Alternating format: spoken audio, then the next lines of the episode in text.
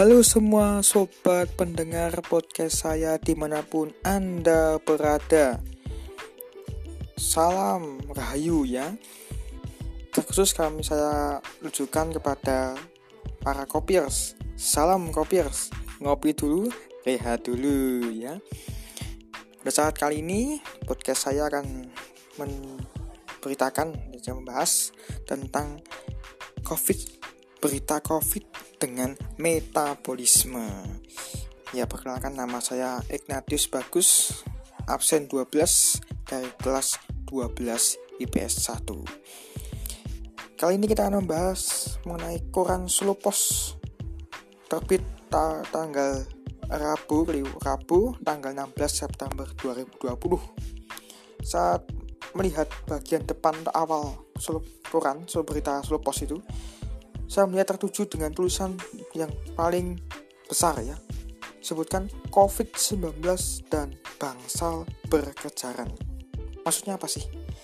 Maka maksudnya bahwa inti dari berita itu adalah COVID-19 yang semakin hari semakin melonjak, semakin meningkat.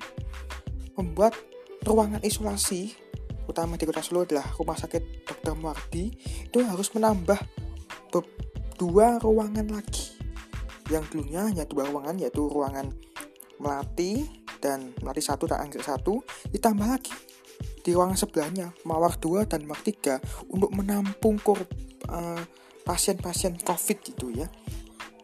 Kenapa sih kok covid-19 semakin hari semakin meningkat?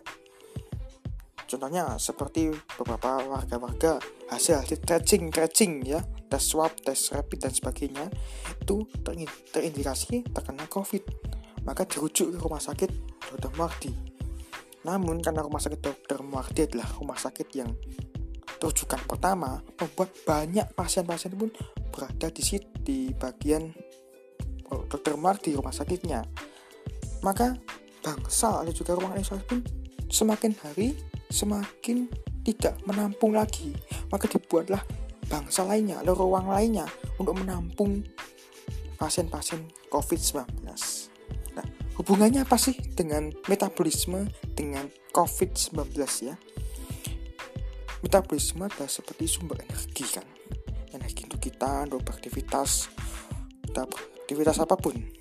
Nah, jika kita pun metabolisme kita pun goyah, juga kita kurang makan atau juga kurang konsumsi, maka ketahanan tubuh kita pun juga akan lemah. Ya, membuat virus COVID-19 masuk. Lalu masuk membuat dis menyerang kita. Maka kita pun terjangkit COVID-19. Maka metabolisme itu sangat mempengaruhi kondisi tubuh atau kondisi ketahanan tubuh kita melawan virus ya. Jika metabolisme kita kuat, maka tidak mungkin COVID-19 semakin hari semakin meningkat, semakin hari semakin banyak jika kita pun hidup sehat, aktivitas aktivitas kita pun teratur dan metabolisme kita pun berkembang baik, maka ketahanan tubuh kita pun juga kuat dan kita akan terbebas dari virus corona ya atau COVID-19 ini. Maka itulah keterkaitan, keterkaitan antara metabolisme dengan COVID-19 ya yang membuat sama karena sampai sekarang metabolisme orang Indonesia itu umumnya menganggap enteng. Metabolisme itu menganggap enteng ketahanan tubuh membuat banyak terjangkit. Walaupun orang tanpa gejala melihat bahwa badan sehat namun bagian raga atau jiwa bagian dalamnya organnya banyak tidak sehat. Begitulah.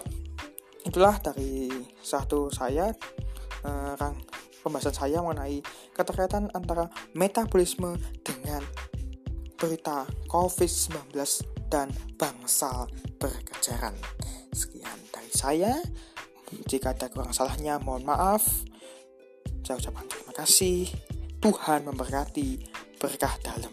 Salam sehat, salam kopiers. Lihat dulu, ngopi dulu. Oke, terima kasih.